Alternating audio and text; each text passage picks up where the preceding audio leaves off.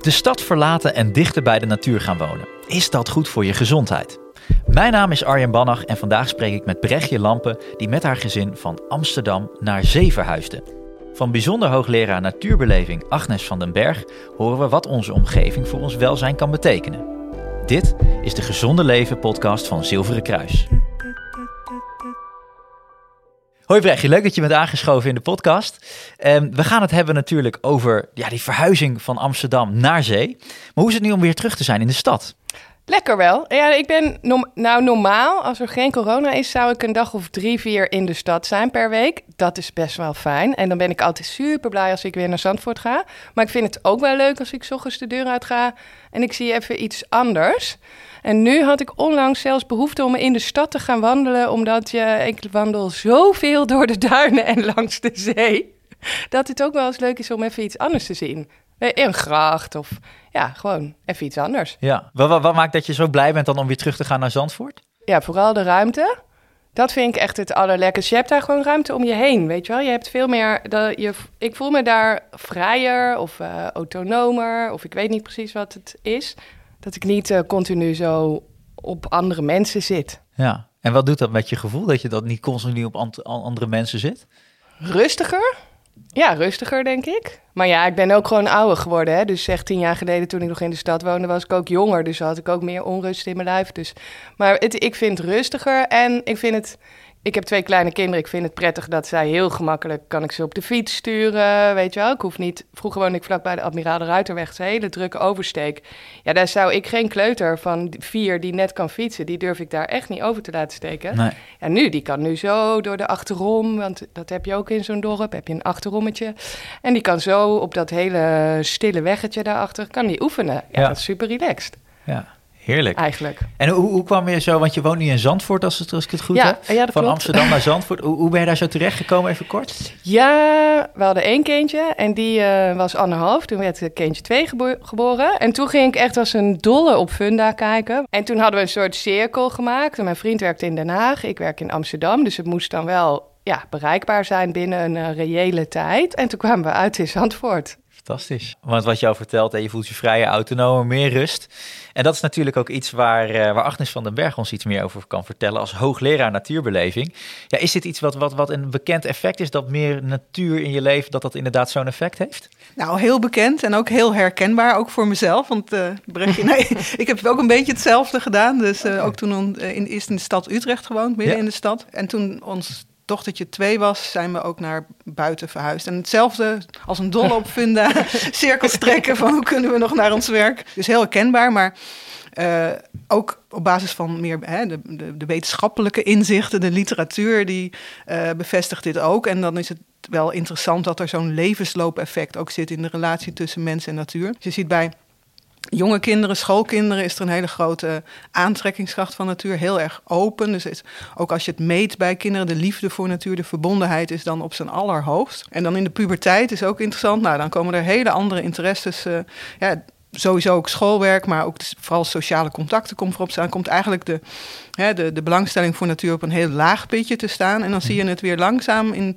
hè, als mensen in de twintig gaan, zelfstandig gaan wonen, dat het toch weer bijtrekt. En dat, het weer, hè, dat er steeds meer belangstelling weer komt voor natuur. En dan, nou ja, als de kinderen komen, dan beseffen mensen ook voor het eerst bijna bewust van dat het ook belangrijk is voor gezondheid en welzijn. En dat vind ik wel interessant dat ze dan, dan doen via hun kinderen en terugdenken aan hun eigen jeugd. Grappig. Dus niet dat je denkt van ik, ik moet zelf hebben, maar, hè, maar via de kinderen zie je van ja, dat, het kan nooit goed zijn als een kind opgroeit uh, met alleen een balkon en te weinig natuur. Ja. Ik dacht dus dat ik een beetje uniek was, maar uh, ik ben echt een enorm schoolvoorbeeld. Want wat jij schetst heb ik letterlijk. Ik ben heel afgelegen opgegroeid met heel veel groen eromheen in zo'n oude boerderij met echt veel grond, hartstikke relaxed.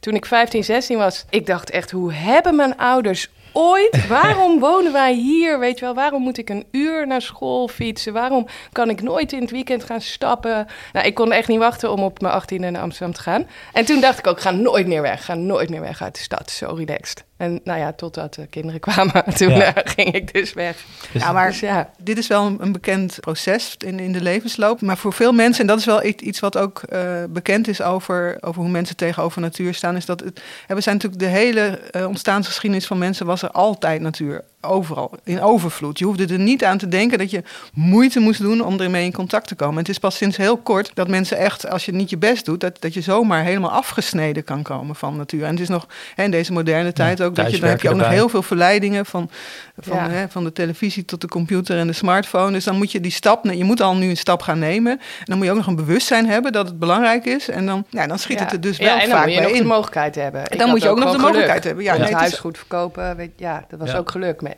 En het is ook nog zo dat het best wel een, uh, ja, het is best wel voor maar niet alle mensen weggelegd. Dat vind ik soms ook wel zorgelijk. Dat hè, mensen die dit zouden willen en het niet kunnen. En hè, drie hoog op een flatje zitten met uh, alleen het balkon en diezelfde gevoelens hebben. Die kunnen dan niet.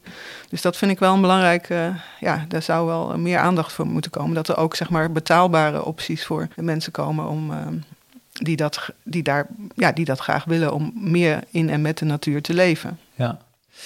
En als we nou eens even teruggaan, hè, want we zeggen, jullie weten dat het belangrijk is. Jij weet het uit ervaring, jij vanuit uh, de, de wetenschap.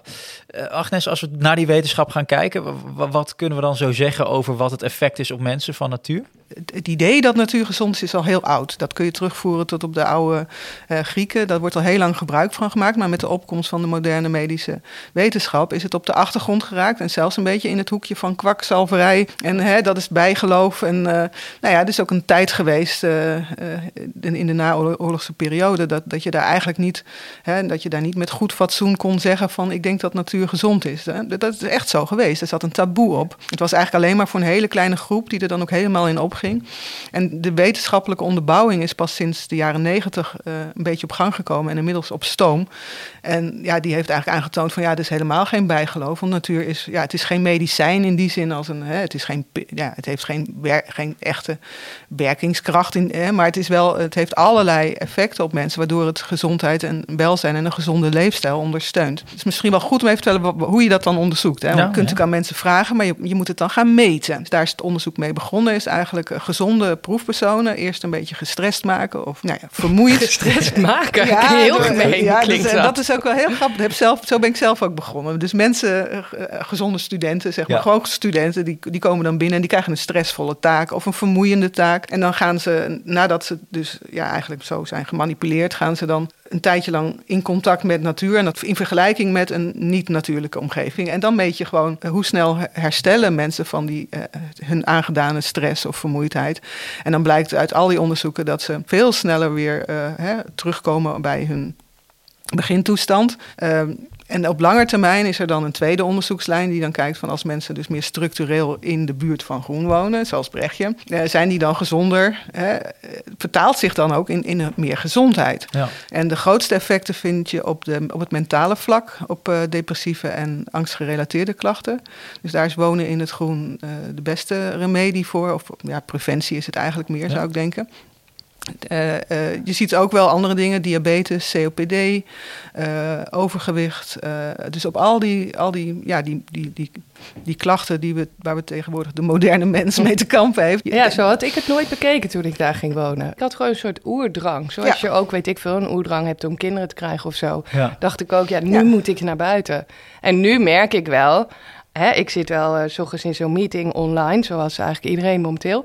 En dan heb ik, voordat ik in die meeting zit, heb ik uh, mijn kindje naar school gebracht. En ben ik daarna een stukje langs de zee gaan wandelen. Want zit ik toch anders in die meeting dan diegene die helemaal alleen maar drukte de hele ochtend hebben gehad of zo. Hey, nou heb jij de stap gemaakt in, in de vorm van verhuizing, Brechtje. Uh, dat is natuurlijk een mogelijkheid. En dan krijg je het eigenlijk als het ware cadeau. Die, daarom heb je die keuze ook gemaakt. Maar wat is nou een manier om toch ja, gefaseerd, laten we zeggen, in kleine stapjes die natuur wat meer in je leven te brengen. Kan jij daar iets over zeggen vanuit ja, dat onderzoek? Ja, je kunt in het groen gaan wonen.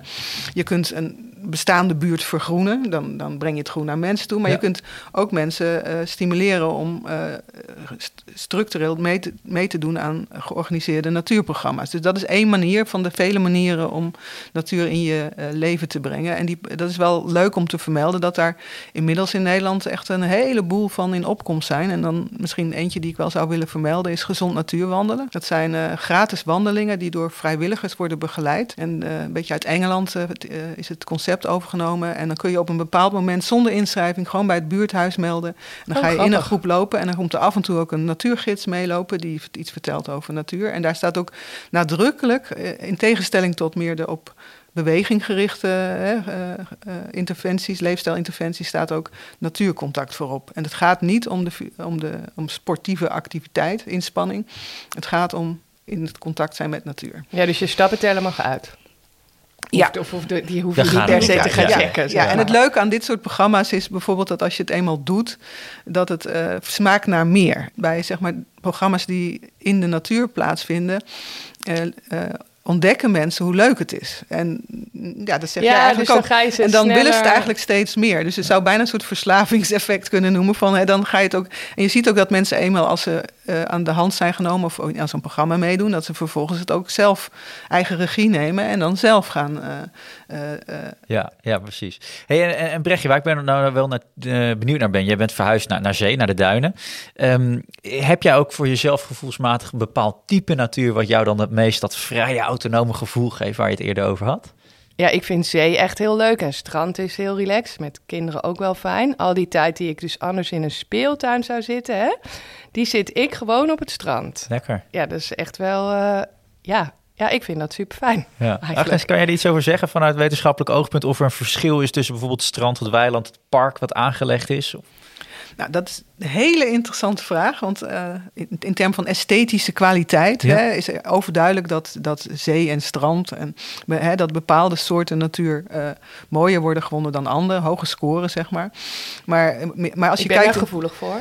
Als je kijkt, ja, maar als je dan kijkt in termen van de, die effecten die ik net noemde, hè, op die, hè, die de korte termijn effect, op die stemming en die aandacht en die fysiologie en de en stress en die, uh, die langere termijn effecten, dan maakt het eigenlijk niet uit. Ik denk zelf dat zeg maar je voorkeur, dat dat wel dat het een soort functie heeft om jou te lokken of zo, mensen te lokken dat ze de natuur ingaan. Maar als ze er eenmaal in zijn, dan, dan is het een heel primitief effect wat losstaat eigenlijk van ja, hoe, hoe, hoe mooi je het vindt. Hey, uh, Agnes, jij hebt je ook aangesloten bij het initiatief Natuur op Recept. Niet voor iedereen misschien nog bekend. Kan, kan je daar kort iets over zeggen? Het idee daarachter is dat uh, om mensen meer bewust te maken van uh, belang van natuur. Maar, en met name richt zich dit op de groep die echt uit zichzelf uh, niet snel de natuur ingaat. En het idee daarachter is, is als je huisarts of fysiotherapeut zegt van... nou, het zou voor u wel eens goed zijn om bijvoorbeeld ja, wat vaker in de tuin te... Natuur, nou ja, en, en, ook het idee van bijvoorbeeld denk aan een fysiotherapeut. Die, hè, die, er komt iemand die moet eigenlijk meer bewegen, die moet, eigenlijk, die moet in, in beweging komen... maar ja, die, die komt elke keer maar weer om gemasseerd of gekraakt te worden. Ja, het is eigenlijk onnodig doorbehandelen. En uh, als op het moment dat die fysiotherapeut zegt van... nou, ik, ik geef u nu even het recept, hè, niet, niet in de sportschool, want dat wil zo iemand niet... Hè, maar uh, ga vaker naar buiten, dan is dat toch uh, ja, een dwingender ja, uh, advies dan dat je, hè, dan dat, dat je het allemaal zelf moet ontdekken. Dus het is een beetje stok achter de deur en voor de moeilijkste groep. En het idee is ook dat het dan, ja, een gezondere leefstijl hoeft niet altijd moeite te kosten. En dat, dat maar het kan ook gewoon leuk zijn. We hebben een, een heel, hele lijst aan recepten erop staan. En we benadrukken heel erg dat het uh, niet dat bewegen is belangrijk, maar het is een bijvangst. Het gaat niet om bewegen, het gaat om het contact leggen met die natuur en die effecten die dat alleen al heeft. Dus het kan ook zijn dat je natuur naar binnen haalt, dat je op een bankje gaat zitten kijken naar de vogels, of dat je vogels gaat spotten, of wat je ook maar wil, zeg maar. Mooi. Hey, en, en Brechtje, we gaan richting het einde van de podcast. Zou je nog één keer voor de luisteraars die dan toch nog het laatste zetje moeten krijgen, nog eens onder woorden kunnen brengen wat voor jou uh, het er toch heeft opgeleverd uiteindelijk nog een keer dat, dat je die stap hebt gemaakt, dat je die meer natuur hebt toegelaten in je leven? Ik heb gewoon een lekkerder dagelijks leven. Ik weet je wel, sta ik op, ga ik uh, een rustige straat in, dan loop ik even naar de basisschool, loop ik naar de zee. Ja, dat is heel prettig. En ik vind het leuk voor de kinderen dat die altijd buiten zijn. Als, die gaan ooit misschien zeggen, wat doen we in dit dorp? En dan willen ze ook gauw naar een echte stad. Ja, dat hebben we gehoord. Hè. Dat komt uh, zeker in de puberteit komt Precies. dat naar boven. Ja, maar dat duurt dan twee jaar. Dan kunnen ze gauw het huis uit. Terug. En daarna denken ze, wauw, dat hebben mijn ouders goed gedaan daar ja. in Zandvoort. Uh... Mooi, mooi. En Agnes, tot slot aan jou. Hè. Als die mensen die nu nog ook voor jou dat laatste zetje nodig hebben... om ze te, is te over te halen met een stukje bewijsvoering... wat zou je die mensen mee willen geven? Het is niet zweverig, het is echt onderbouwd. Uh, het doet iets met je en je hoeft er helemaal weinig moeite voor te doen. Het ligt voor het grijpen. en probeer dan gewoon ook je leven zo in te richten dat je iets vaker in contact komt met natuur. Want het moet niet, het is toch vaak nog, je moet een, hè, als je echt in de stad woont, moet je een stap nemen. Maar als je nou met jezelf afspreekt van ik, ik fiets naar mijn werk, maar dan neem ik de, de, de, de toeristische route door het park in plaats van, hè, dan heb je het alweer binnen. Ja. Of als je met kinderen, dat je bijvoorbeeld, ja, niet iedereen kan zijn kind uh, geven wat Brechtje doet, maar uh, je kunt wel kiezen een school kiezen met een groen schoolplein bijvoorbeeld. Hè. Dus zorg ook dat je, en al heb je dan een balkon, een balkon kan je ook tot een kleine oase maken. Dus hè, zorg dat je er gewoon uh, iets mee doet en dan merk je vanzelf dat het, wat, het, ja, wat het fijne effect is. Maar dat merk je waarschijnlijk heel langzaam of zo. Bij mij ging dat gewoon ja, geleidelijk. Ik denk dat als ik nu hier midden in de stad zou wonen, dat ik dat heel heftig zou vinden ineens. Maar, de, maar het is ook, nou ja, het gaat gewoon heel langzaam. Ja, dat klopt. Het is een kleine stapje, ja, zolang maar je het maar klopt wel dat maakt. de, de, langdurig uh, uh, geregeld contact met natuur, dat is uiteindelijk, wat, dat, dat heeft uiteindelijk het grootste effect. Dus uh, het heeft geen zin om, het heeft heel weinig zin om midden in de stad, in, in een drukke stad te gaan wonen en dan twee keer per jaar op een verre bergbeklimreis of zo. Dan, voor je gezondheid is dat niet echt heel nou ja, bevorderlijk. Ja. Dat doet niet zoveel. Maar, ja, hè, dus als je, maar als je dat balkon vergroent, dan doet het gek genoeg. Dat zouden mensen niet bedenken, maar dat, dat uit zich uiteindelijk in grotere effecten. Nou, ik denk dat het een prachtig einde is van uh, deze mooie podcast. Dames, mag ik jullie hartelijk danken voor jullie inspiratie. Ja, ja uh, jij dankjewel. Nou ja, jij bedankt. Bij Zilveren Kruis telt alles mee als het om gezondheid gaat. Het gaat om meer dan alleen goed eten en genoeg bewegen. Meer dan lichaam en geest. Want je omgeving, je familie, je vrienden en hoe het op je werk gaat, hebben allemaal invloed op het totaalplaatje van je gezondheid. Ga naar zk.nl/slash magazine voor praktische tips, handige tools en inspirerende podcasts.